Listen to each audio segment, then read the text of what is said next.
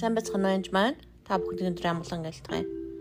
Тэгэхээр бид нэр FS 6 дээр явж байгаа. Аа сүнслэг өмч бүрийн зэвсгийн талаар. Тэгэхээр энэ бүгдийн талаар ярихад яалтчгүй сүнслэг тулааны талаар ярихаас урахгүй байдал төрдөг ба. FS 6-гийн 16.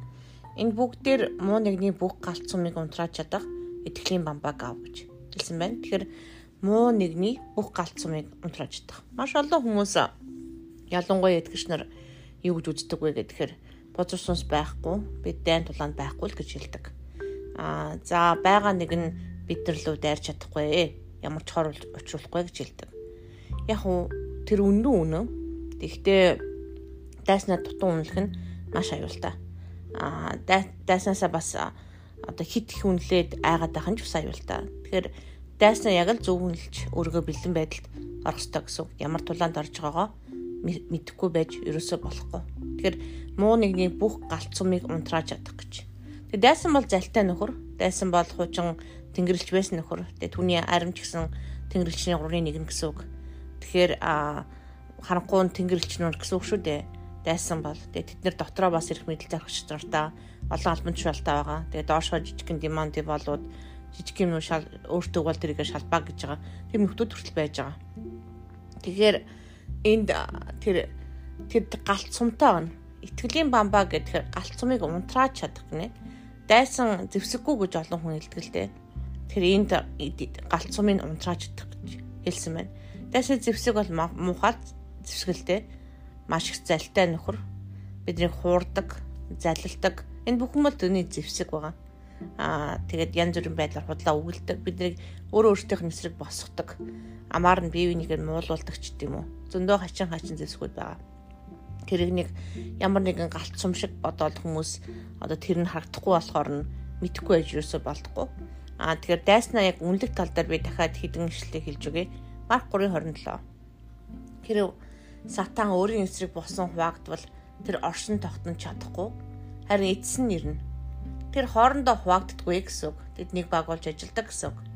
Хүчтэй эрийг эхлээд хүлж байж л гэрийг нь дэрэмд нүүхээс герт нь шууд ороод эд хөрөнгийг нь дэрэмдж чадах хүн байхгүй билээ гэж байна.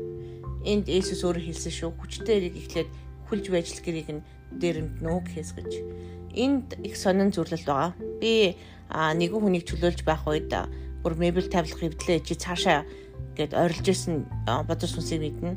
Тэр бол чөтгөр байсан Аа тэгээд гэр орны тавилга шүтгээд байна гэд бинд нүрээ дараа залбирсан чи тэгж хэлсэн. Чи цаашаа хэнийг сэргээд байгаа гэд урал унтаж яах чинь сэрээчлээ гэд тэгжсэн. Тэгэхээр тэр тэр бүр гэр оронтой болцсон гэр дотор сууж байгаа юм шиг хүний бие сууж байх нь л дээ. Тэгэхээр үнэхээр тэр бэртэй эрийг хүчтэй эрийг эхлээд хүлж байж л гэрийг нь дэрэмднө гэхээс гэж үнэхээр тэр ухаан хүнийг аврах хэрэгтэй байгаа. Чөлөөлөх хэрэгтэй байж байгаа. Тэгэхээр бүр гэр орон засаад сууж явах нэ нөгөөдөл чинь а энийг би өөрөө зохиож хэлээгүй шүү. Энэ үнэхээр чөлөөлтөн дээр болсон явдал. Тэгээд бирта эрийг хүлнэ үү гэж хэлсэн байна эзэн. Тэгэхээр энд бирта эр гэж хэлсэн байгааз Бозор сүнсийг одоо хинч биш юу ч биш ялагдсан гэж тийм ээ Иесус түүнийг ялсан уу ялсан. Гэтэ бидний ялах цаг ирсэн байна. Яг одоо энэ цаг мөчөд а би дараачийн ишлэлийг бас болж гээ. Үлс 19-ийн 15-аас 16.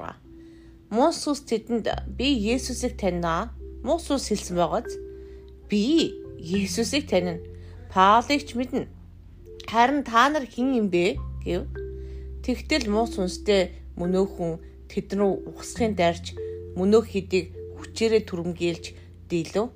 Нөгөө үед ч гимтэж шахацсан тэр байрнаас нүцгэн шалтан гараад зовтов. Тэр бид үнэхээр өөрийнхөө хүч чадал эрх мэдлийг мэдгээс гадна зүвт амьдарч Иесус Христосийн нэрийг мэдэхгүй байх юм бол ийм л ичүүртэй байдалд орно гэсэн үг. Аа тэгэхээр энийг би айлах гэж хэлээгүй шүү. Үнэхээр Лук 10:17-оос 20-ыг уншаад дуусгая. Мөндөг 70 хүн баяртаар буцсан ирж эзэн чөтрүүд хүртэл таны нэрээр бидний иргэшээлд орсон шүү хэмээхэд тэр хэдэн би сатаныг аян гайдал тэнгэрээс буухыг нь харав Харахтун би та нарт могоо хилэнд торхоонуудад халдах дайсны хамаг хүчээс дэгрэх эрх мэдлээ өгсөн. Та нарт юу ч хор учруулахгүй. Гэсэн хэдий ч сүнсүүд иршэл чинь орсон та нар бүү баярл. Харин нэрс чинь тэнгид бичигдсэн гэдэгт баярлах дүн гэв.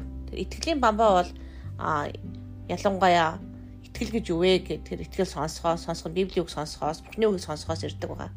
Тэр зөвхөн сонсоо зогсохгүй хэрэгжүүлж алхаж үгэн дотор алхаж эхлэх үед итгэлийн бамбав нь өндөр болдог байгаа. Үнэхээр ямар ч юм хорчруулахааргүй тэр бүх дайсны сумыг унтрааж чаддаг болдог байгаа.